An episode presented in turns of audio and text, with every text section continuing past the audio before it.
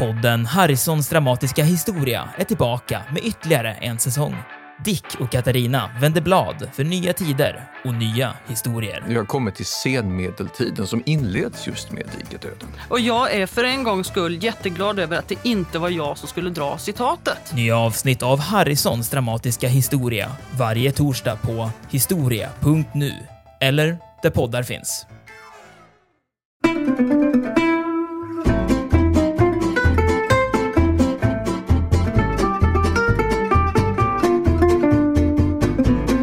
Jätteviktigt är att det uppstår det här symbiotiska förhållandet mellan terroristerna och dagspressen.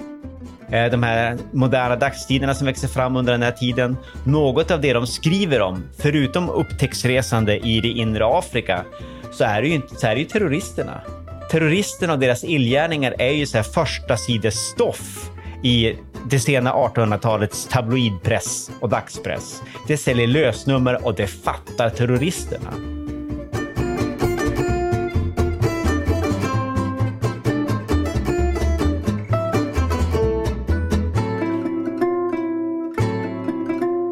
Podden En oväntad historia utgår från en liten händelse för att med glimten i ögat berätta den stora historien. Programledare är historikerna Olle Larsson och Andreas Marklund.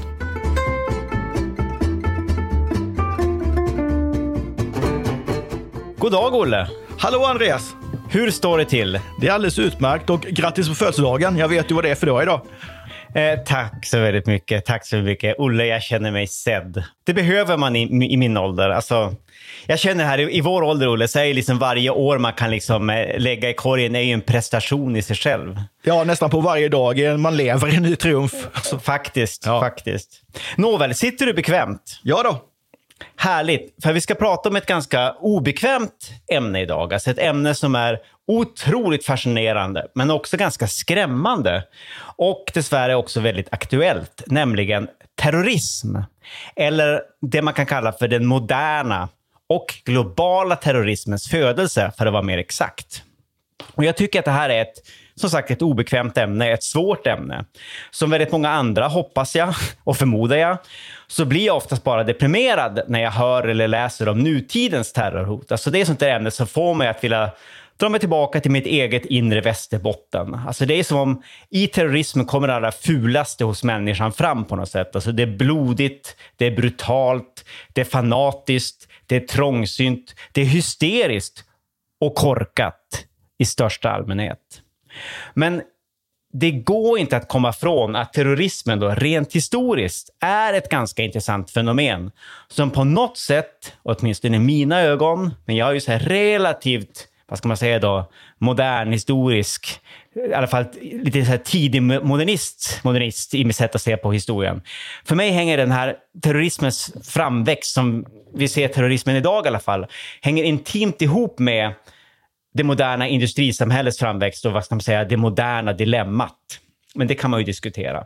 Eh, så innan jag säger mer om det, Olle, så tänkte jag fråga dig. Hur ser du på terrorismen då som historiskt fenomen? Man säger ju ofta att vi lever i terrorismens tidsålder idag.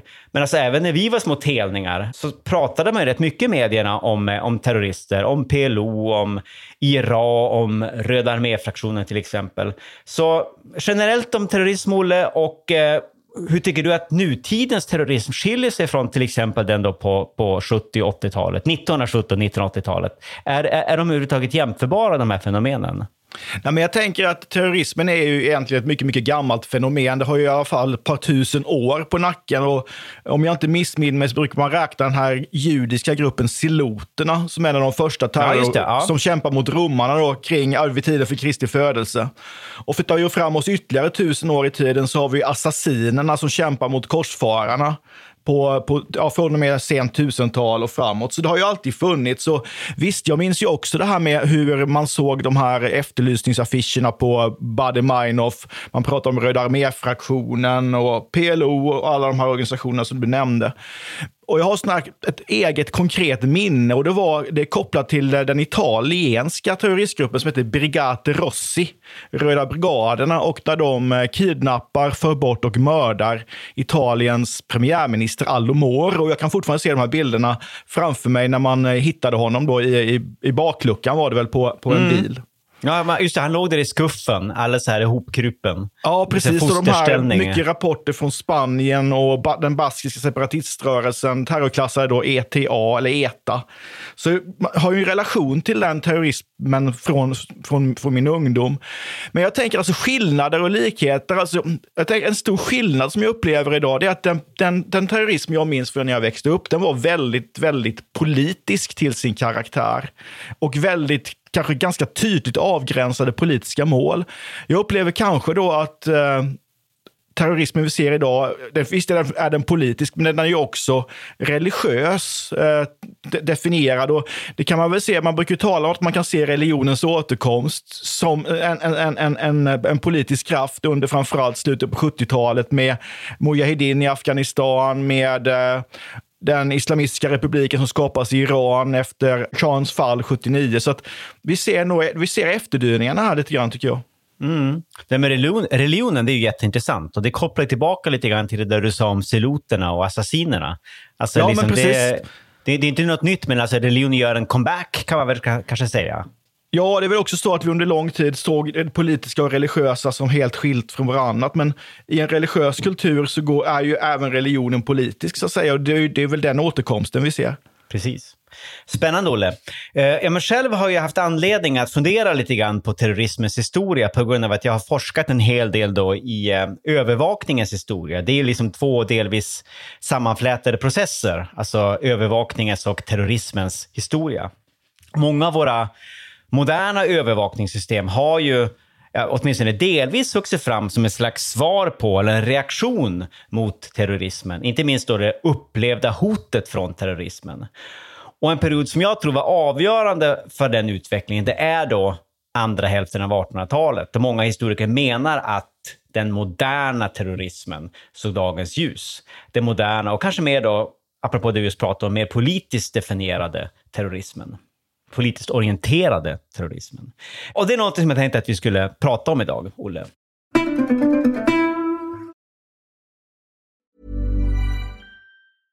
Hej, jag Ryan Reynolds. På Mint Mobile, we like to do the opposite of what Big Wireless does. They charge you a lot, we charge you a little. So naturally, when they announced they'd be raising their prices due to inflation, we decided to deflate our prices due to not hating you. That's right. We're cutting the price of Mint Unlimited from $30 a month to just $15 a month. Give it a try at mintmobile.com slash switch. $45 upfront for three months plus taxes and fees. Promo rate for new customers for limited time. Unlimited more than 40 gigabytes per month. Slows. Full terms at mintmobile.com. Hiring for your small business? If you're not looking for professionals on LinkedIn, you're looking in the wrong place. That's like looking for your car keys in a fish tank. LinkedIn helps you hire professionals you can't find anywhere else, even those who aren't actively searching for a new job but might be open to the perfect role. In a given month, over 70% of LinkedIn users don't even visit other leading job sites. So start looking in the right place. With LinkedIn, you can hire professionals like a professional. Post your free job on linkedin.com slash spoken today. Hello, this is Danny Pellegrino, host of the Everything Iconic podcast, and I'm here to tell you all about Splash Refresher because hydration is mandatory, but boring is not. Now, I love my water, but if I don't spice it up, I'm not going to finish what I took out of the fridge. That's why I love my Splash Refresher, which is flavorful, delicious, bright, hydrating, and zero calories. The wild berry flavor is my fave. No, wait, is the pineapple mango flavor my fave? You know what? All five craveable splash refresher flavors are my fave because they're so delicious. So get hydrated and enjoy it with Splash Refresher.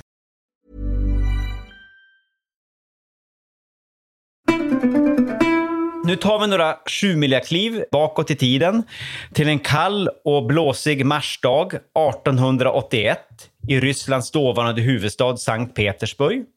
Eftersom vi har med Ryssland att göra så strular det lite grann med dateringen här. Enligt den nya stilen, eller gregorianska kalendern, så är det den 13 mars 1881, men enligt den äldre julianska kalendern, som man då fortfarande använde i Ryssland, så var det istället då den 1 mars. Och det säger jag för det kan se lite rörigt ut om man googlar det här. Något vi i alla fall kan konstatera är att det snöade på den här dagen. Och det är en söndag. Och sin vana trogen har den ryske tsaren Alexander den andre varit med och tittat på när det kejserliga livgardet håller sin vaktavlösning på en ridbana mitt i Sankt Petersburg.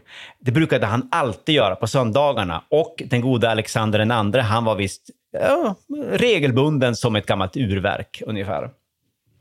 Klockan är nu omkring två på eftermiddagen och tsaren är på väg tillbaka till Vinterpalatset. Han färdas i en eh, pansarförstärkt vagn som dras av två hästar. Han har beväpnade kosacker runt omkring sig. En sitter på kuskbocken bredvid kusken.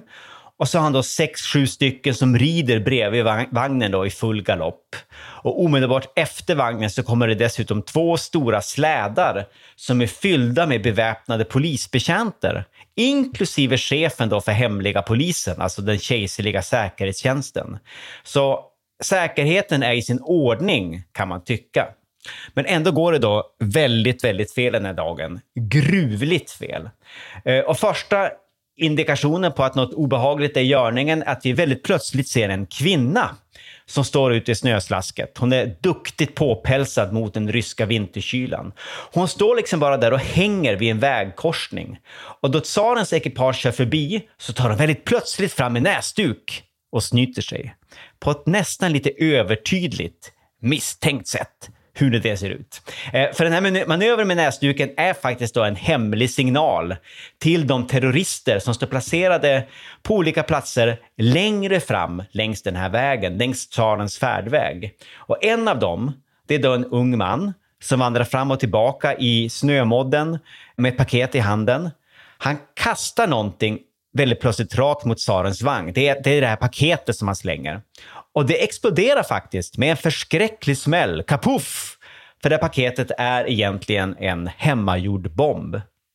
Men det skadar inte tsaren, för han sitter ganska säkert då i sin bepansrade vagn.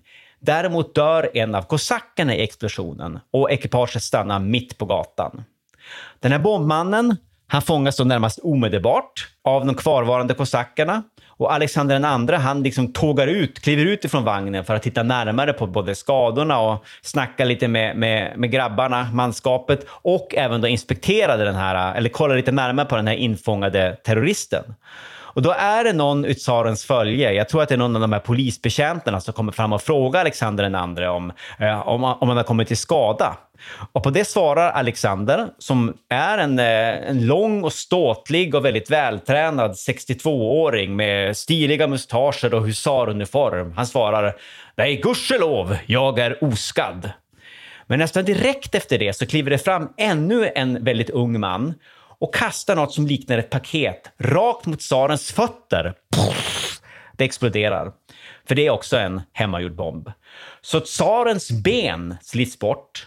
Han får extremt svåra skador i både buken och ansiktet samtidigt som den här bombmannen krossas, dör eh, i den här explosionen. Alexander IIs död är däremot inte omedelbar. Han hinner viska till någon i sitt följe att han vill föras tillbaka till Vinterpalatset och dö i sitt hem. Så hans sargade kropp lyfts upp på en av slädarna och så förs han till Vinterpalatset där han drar sin sista suck ungefär en kvart, 20 minuter efter den här explosionen. Men dör, det gör han. Och det vi har att göra med här, det är ju ett av dessa väldigt många laddade och väldigt tragiska ögonblick i Rysslands historia som får konsekvenser för hela världen. Det finns ju många sådana ryska moment, Russian moments i världshistorien som får ringar som sprids över hela världen på något sätt, på olika sätt, på gott och ont.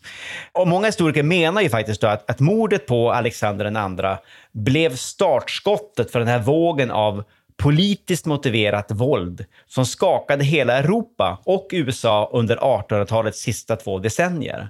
En våldsvåg då som många har valt att kalla för den moderna terrorismens födelse eftersom det var en typ av våld som syftade till att krossa den existerande samhällsordningen och få igenom någon form av omvälvande, omstörtande förändring, alltså en revolution, genom att sprida terror, eller det vi på svenska skulle vi egentligen då säga skräck, förmodar jag. Rädsla. Eh, både hos makthavarna och de breda massorna. Men låt oss återvända nu till mordet på Alexander II. Vilka var de här terroristerna och varför ville de prompt göra sig av med den här eh, 62-åriga envåldshärskaren? Olle? Vi kan bara börja med en liten kuriosa detalj i sammanhanget. Att på den plats där Alexander den andre sprängs i bitar så har man nu, det finns numera en kyrka som talande nog heter Katedralen på det spillda blodet. Är det och sant? Där, där platsen där tsaren eh, mötte sin, sin baneman faktiskt är markerad inne i kyrkogolvet mitt i centrala Sankt Petersburg. Det är en spännande plats. Har du varit där? Jag har varit där. Ja. Katedralen på det oskyldigt spillda blodet, tror jag till och med den heter. Det ser ut som en sån här riktig sagokatedral med lökkupoler och, och allt detta. Okej, så det, är liksom, det, det har blivit någon slags religiöst martyrium över Ja, men här. nästan på. Nästan på. Ja. Otroligt spännande. Och, men ska vi börja med vi kan börja med att konstatera då att eh, mördarna, eller den här grupp, gruppen som låg bakom mordet på Alexander II, att det var ju en utbrytargrupp ifrån ett eh, ryskt politiskt parti som kallades för Narodniks. Själva kallar de sig för Narodjna Volja, alltså folkets vilja. Och de här är hemliga och de är anarkister. Och det är inte konstigt egentligen att de är hemliga, därför att det var, politiska partier var förbjudna i Ryssland i slutet på 1800-talet. Det innebar inte att de inte existerade, för det gjorde de, men de fick ju agera i hemlighet. Och det här skapar ju en rysk politisk kultur som blir underjordisk, som blir hemlig och som blir oerhört våldsam. Och det är ju det vi ser här. Onekligen. Och målet för den här gruppen var ju helt enkelt att störta eh, tsarväldet. Och man såg ingen annanstans, inget annat sätt att åstadkomma detta just än genom att faktiskt ta tsaren av daga. Och det man vill ha är ju egentligen, ett, man vill skapa ett helt nytt Ryssland styrt av, av folket. Och därför är man beredd att använda terror, i det här fallet då mord, för att eh, uppnå sina politiska syften. Just det. Och detta trots att Alexander II faktiskt var en relativt reforminriktad tsar, eller hur? Alltså, Ja, han, var han det, han var inte det värsta exemplaret. Han ärver ju två saker av sin far eh, eh, Nikolaj den förste när han dör. Han, dör. han ärver ett efterblivet Ryssland och han ärver ett misslyckat krig i Krimkriget. Och det är det här som får honom att reformera. Men man kan säga att reformerna handlar ju väldigt lite om, eh, eller inte alls egentligen om Rysslands styrelsesätt, utan de är mer ekonomiska och administrativa till sin, till sin karaktär. Och eh, han utsätts ju också redan på 1860-talet, jag tror det är 1866, för ett, eh, ett mordförsök. Och det här gör att han drar ner på reformtakten, vilket gör att motståndet mot honom ökar ännu mer. Och det är väl så i den kontexten man ska se då det här beslutet som eh, Narodjna Volja fattade 1879 när man säger att tsaren måste dö. Just det. Och, och så publicerar de ju en, en så ganska bisarr, makaber proklamation om att tsaren egentligen redan var död. Alltså han var död, han visste bara inte om det än. Ja, visst, och även de här har ju försökt döda tsaren ett par gånger innan, innan, innan man lyckas. Då. Bland annat, bland annat just 1879 när man försöker då, eh, spränga hans tåg med en, med, en, med en bomb. Men det misslyckas. Tåget är väl helt enkelt för, eh, för eh, kraftigt byggd helt enkelt för att eh, tsaren ska kunna skadas. Ja, just det. Det är en sån här helvetesmaskin, en hemmagjord dynamitbomb. Ja, det är ett underbart sent 1800-talsuttryck det här med att helvetesmaskin motsvarar en dynamitbomb. Men det var ju tidens terminologi. Och man smugglar ju också in en sån här helvetesmaskin på Vinterpalatset för att spränga tsaren i luften då medan han äter middag. Och man placerar ju det här i ett angränsande rum till matsalen. Men just den här kvällen när bomben detonerar så är tsaren inte där. Däremot så lyckades man, lyckas man ju ta död på en del personal i det här palatset. Ja, precis. Jag tror det är elva vakter eller något sånt där. Och så är det massa då ur eh, eh kökspersonalen som kommer svårt till skada. Men det, men det frågas ju vän av ordning, hur lyckas de med det här? För det var ju då en stor, väldigt stor och tung så kallad helvetesmaskin. Jag tror det var så 30 kilo dynamit och en tick, så kopp som var kopplat till så här tickande väckarklocka. Hur får man in sånt där på Vinterpalatset? Frågar sig vän av ordning. Alltså det var ju hjärtat av Vinterpalatset också, just under den här matsalen. Och dessutom var ju tsarens hemliga polis Okranen var ju ständigt på tårna och, och infiltrerade ju regelmässigt den här typen av grupper. Så det var ju förenat med en stor risk att försöka planera den här typen av, av attentat. Precis, men Ukraina måste ju också närmast ha varit infiltrerad av terroristerna. All, det verkar ju som det onekligen. Tänker man säga. Ja. precis. Men hur var det då med, det var ju då det här bombattentatet då som slutligen dödade honom. Det, det kom ju där då i mars 1881. Det var väl då extremt välplanerat, var det inte det? Jo, det verkar ju som det. att Man har ju kartlagt tsaren och som du sa tidigare, han var ju liksom regelbunden som en gammal klocka. Man visste precis vad han skulle göra på söndagarna. Så man har ju man har ju egentligen skissat på två scenarier, eller ett, en plan A och en plan B. Plan A gick ut på att man faktiskt återigen då skulle spränga vagnen i luften. Och då hade man då skapat någon slags eh, mina som man hade grävt ner i, eh, i en tunnel under den väg som man tänkte sig då att tsaren skulle, skulle ta. Men den här dagen tar han ju inte den här vägen. Då, då får man gå över till plan B. Och nu får vi, har vi då den här kvinnan som tar upp och snyter sig eh, övertydligt i den här näsduken då och signalerar då att vi måste gå över till plan B, vilket innebär att man ska kasta bomber på tsaren istället. Precis, det är handgranatsplanen Just istället det, för just det. dynamitminan. Eh, och det, det är den här kvinnan då, Sofia Petrovskaja, som var liksom den operativa chefen och koordinator då för det här attentatet. Hon blev ju liksom en slags martyr efter det här, en terrorismen och anarkismens martyr. Och när hon snöts i alla fall i den här mäsduken så var det alltså en, en hemlig signal då till resten av gruppen att tsaren följde inte huvud, huvudrutten utan det var plan B som gällde alltså. Och jag tror faktiskt att jag läst någonstans att de, de, de har ju till och med, de, jag tror de hade hyrt en slags en ostbutik eller något sånt, eh, de här terroristerna. Alldeles vid den där alltså huvudrutten. Och, och med den som bas då, medan det stod folk och sålde ost där uppe, så grävde de sig in under vägen och placerade ut den här jättetunga dynamitminan. Och jag läste också någonstans att den här bomben som sliter bort tsarens ben, att den är gömd i en tårtkartong. Är det det så, det så den skulle kunna liksom missta, jag tror en, en, en kartong som officiellt då skulle kunna innehålla en påsktårta. Ja, just det. Ja, men det är ju inte ologiskt att man går omkring med en sån då på, på en söndag i snöslasket på Sankt Petersburgs gator. Om man Precis. skulle möta då en, en, en rysk säkerhetsvakt eller något sånt. Ja. I alla fall, det gick ju inte särskilt bra för de här terroristerna. De lyckades med sitt första delmål, då, att döda tsaren. Det, det kan man ju inte förneka. Men de fick ju inte igenom sin politiska agenda. De lyckades inte med att omstörta då den existerande samhällsordningen och det blev ju definitivt inget folkstyre eller någon demokrati i Ryssland på den här tiden. Utan eh, förtrycket blev faktiskt bara ännu hårdare eh, under Alexander IIs efterföljare eller efterträdare, den här Alexander den tredje. Och dessutom lyckades då den här kejserliga ryska säkerhetstjänsten som du nämnde, du sa Okrana, eh, jag säger Okrana, jag vet inte om det är helt fel. Eh, de lyckades ju spåra upp nästan alla medlemmar av det här nätverket. Den här Sofia Petroskaya till exempel, hon blir ju, man finner henne ganska snabbt och hon, hon hängs ju tillsammans med de, nästan alla hennes kollegor. Man hittar även de som ligger bakom det här och så vidare. Eh, otroligt många som antingen avrättas eller får livstids straffarbete. Och hela det här revolutionära eller anarkistiska nätverket går ju de facto i upplösning under 1880 och 1890-talen. Men ändå så blir ju mordet på Alexander II, det blir ju alltså då en världshistorisk milstolpe eftersom det blev startskottet för den här vågen då av global transnationell eller internationell terror som sköljer över Europas länder och USA under de här sista åren av 1800-talet, första åren av 1900-talet. Och som kanske kan sägas ha nått någon slags diabolisk klimax då, i, i form av skotten då i Sarajevo sommaren 1914, som vi har poddat om tidigare och som blev ja, katalysatorn till första världskriget och allt som därpå följde. Alltså hela det mörka 1900-talet och allt det där.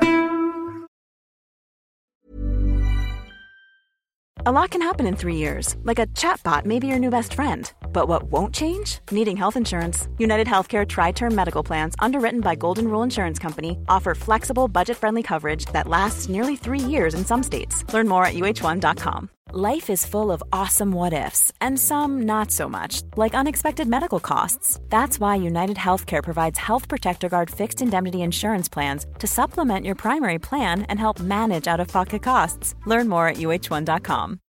Hey, it's Sharon, and here's where it gets interesting. Raise your hand if you want salon perfect nails for just $2 a manicure. Yeah, me too. With the Olive and June Mani system, you can say goodbye to expensive services that take hours and hours and love your nails more than ever. I would know I've been doing it for years. Get 20% off your first Manny system with code PERFECTMANI20 at oliveandjune.com slash PERFECTMANI20. That's PERFECTMANI20 at oliveandjune.com slash PERFECTMANI20.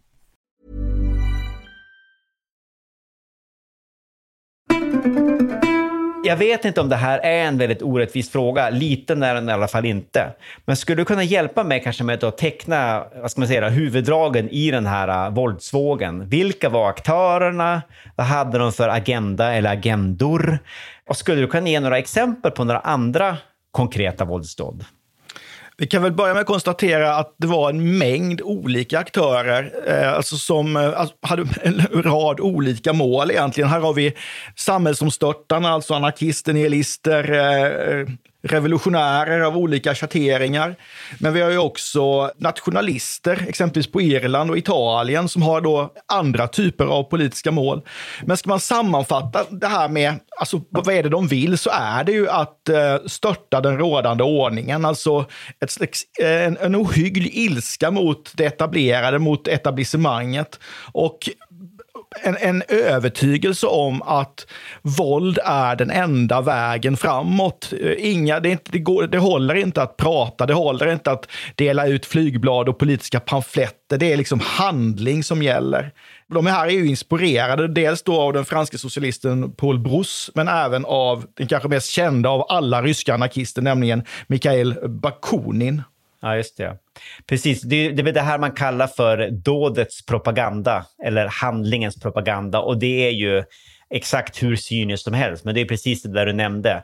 Alltså ska, man, ska, ska det bli åka av, ska man få till en revolution så räcker det inte med fina ord och pamfletter, utan det, det krävs blod, svett och tårar och en massa jädra dödsoffer. Spektakulära våldsdåd som gör att man syns i pressen. Precis, och det är, väl, det är väl jätteviktigt då att det handlar om att de här dåden skulle få uppmärksamhet.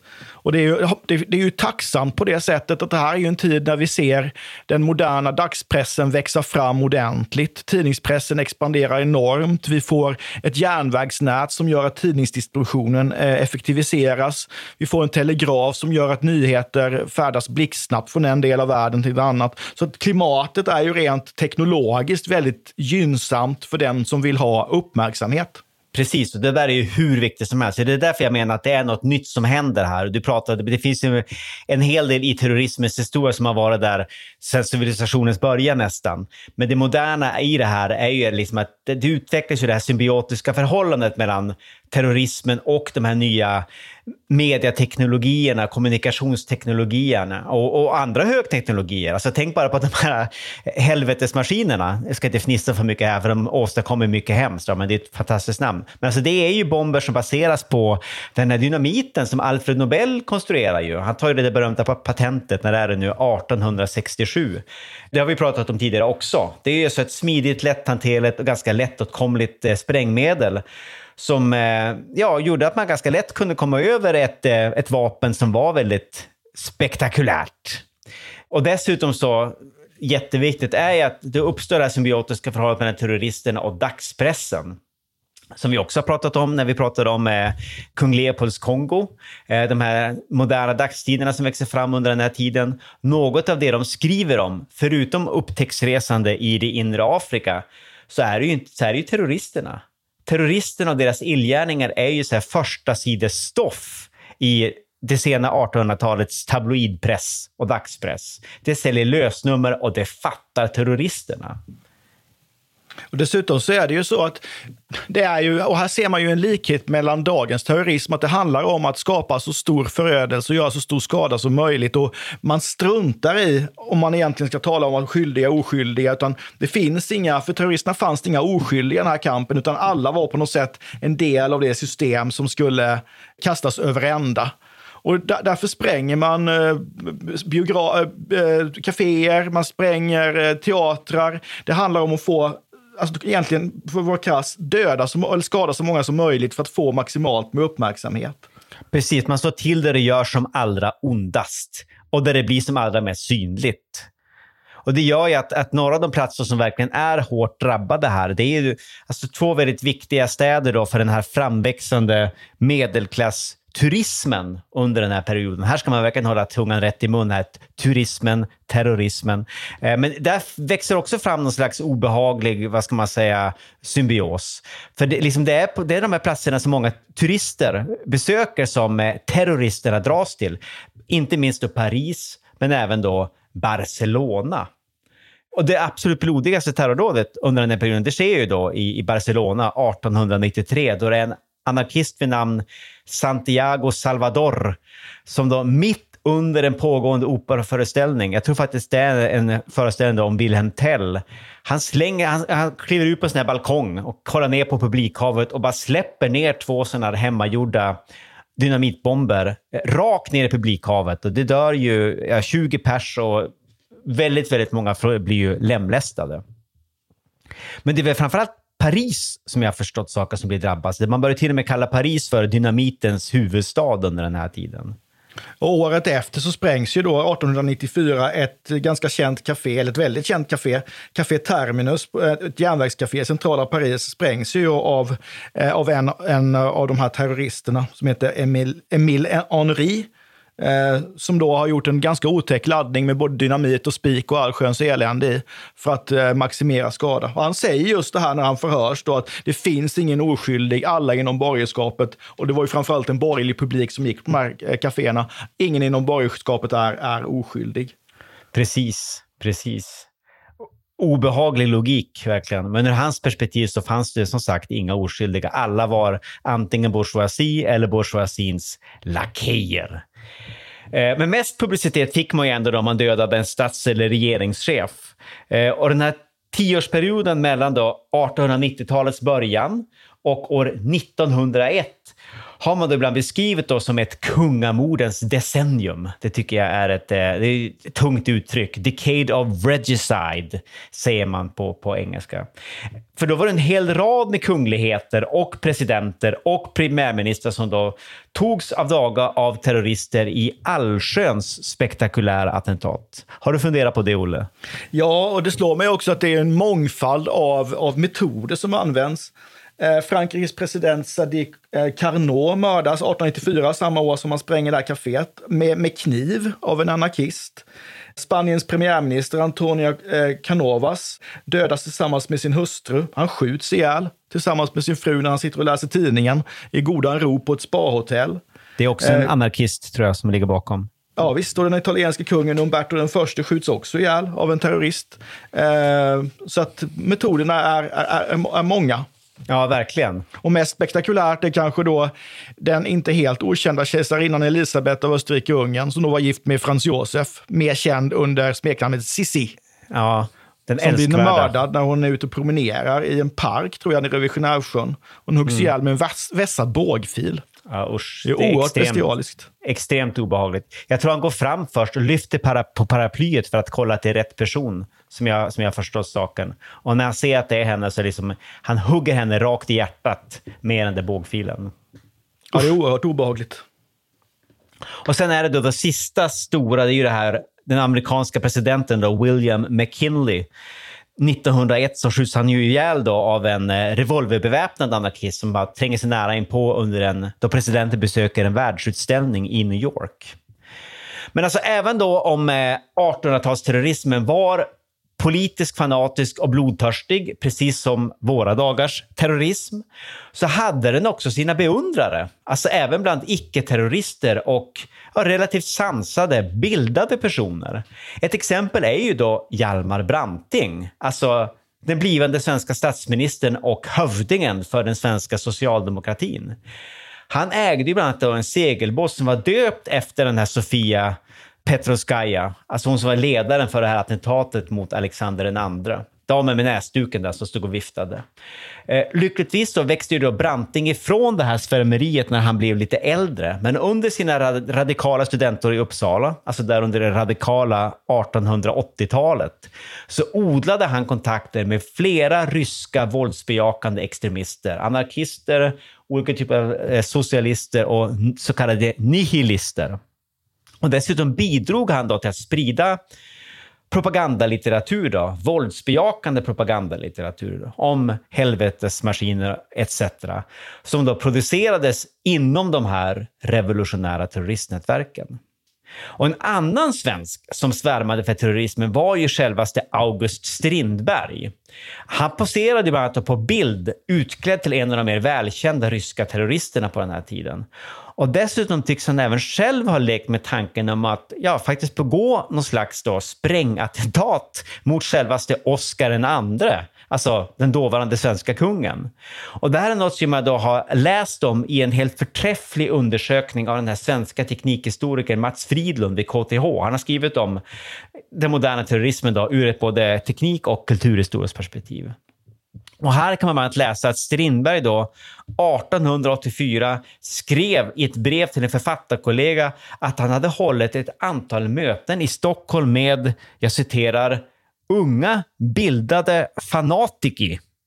Då undrar man ju, usch, vad kan det vara, ha varit Ja, för vad är det för? Ja, det är, precis, laddat, laddat uttryck, fanatiki. Och sen, och nu blir det ännu bättre, han tillfogar, hade jag varit ogift så vore det nu slut med dynastin Bernadotte. Icke genom revolution, utan attentat!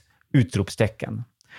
Och till det här hade han då lagt till en liten bild, då, en liten teckning med titeln Ritning på Stockholms slott med helvetesmaskin.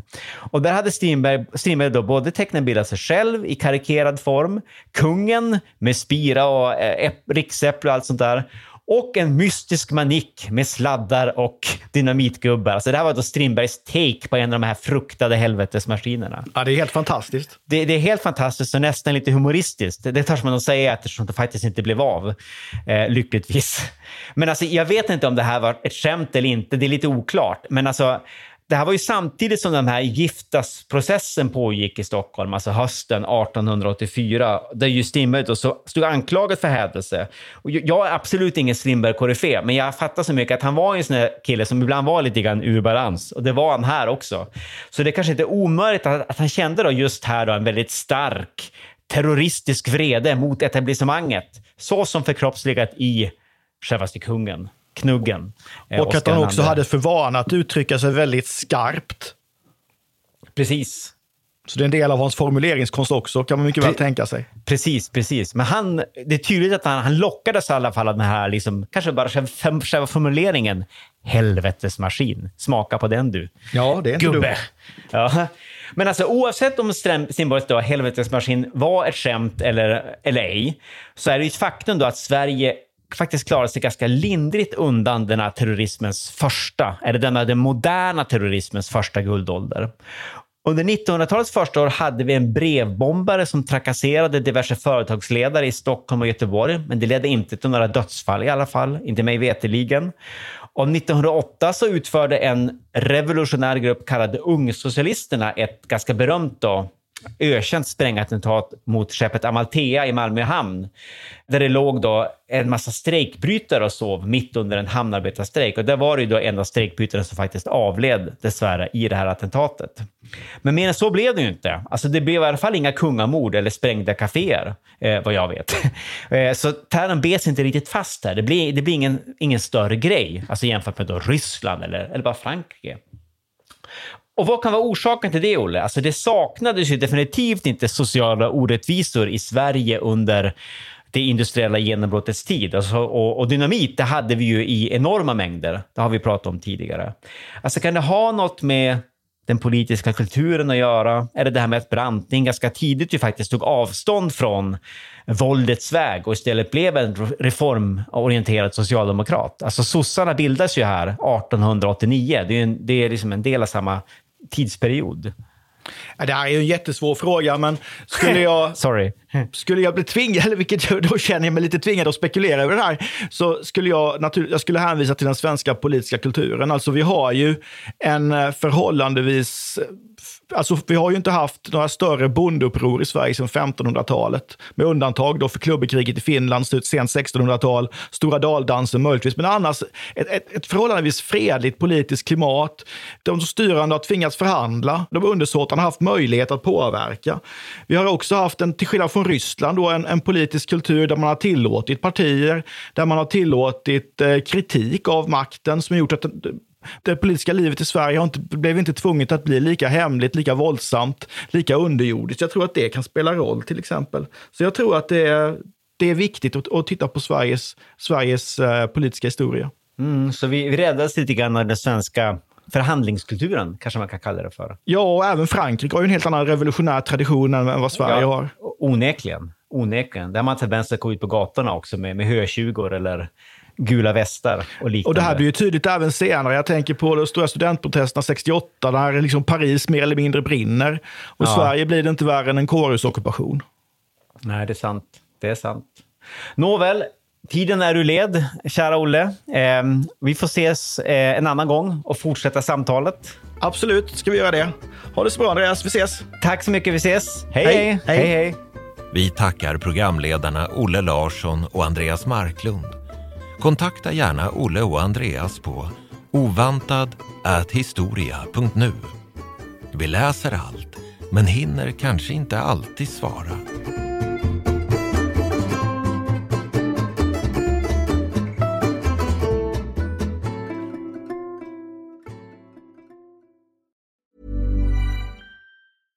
Hello, this is Danny Pellegrino, host of the Everything Iconic podcast, and I'm here to tell you all about Splash Refresher because hydration is mandatory, but boring is not. Now, I love my water, but if I don't spice it up, I'm not going to finish what I took out of the fridge. That's why I love my Splash Refresher, which is flavorful, delicious, bright, hydrating, and zero calories. The wild berry flavor is my fave.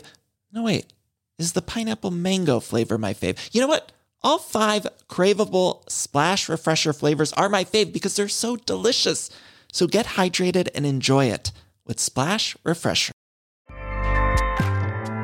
ACAST powers the world's best podcasts. Here's a show that we recommend. The Real Housewives is a guilty pleasure for most, but if you're looking to not feel guilty about that pleasure, tune in to Everything Iconic with me, Danny Pellegrino, where I break down all the messy moments and behind the scenes antics of Bravo's popular franchise. And on Everything Iconic, I also interview celebrity guests like Kelly Ripa, Kiki Palmer, Drew Barrymore, Cameron Diaz, and more about their guilty pleasures, their past work, and so much more. So if you're pop culture obsessed and find yourself watching way too much reality TV like me, tune in to Everything Iconic with Danny Pellegrino wherever you listen to podcasts. ACAST helps creators launch, grow, and monetize their podcasts everywhere. ACAST.com. Terrorattacken den 11 september 2001 förändrade världen för alltid. USA förklarade krig mot terrorismen och en era av terrorhot inleddes. 2014 utropades ett kalifat i delar av Syrien och Irak.